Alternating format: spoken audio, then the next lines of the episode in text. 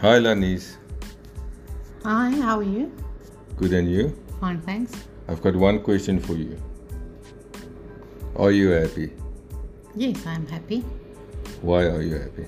because I'm living. I've got a lot of a lot of stuff to be grateful for. I'm healthy. I've got food to eat. I've got a bed to sleep in. I've got a family. I've got healthy kids. I've got a lot of stuff to be um, grateful for. There's a lot of people that's less fortunate. So you need to appreciate what you've got and focus on that. And what's your one message to the entire world?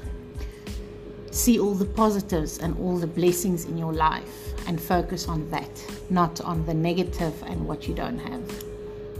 Thank you.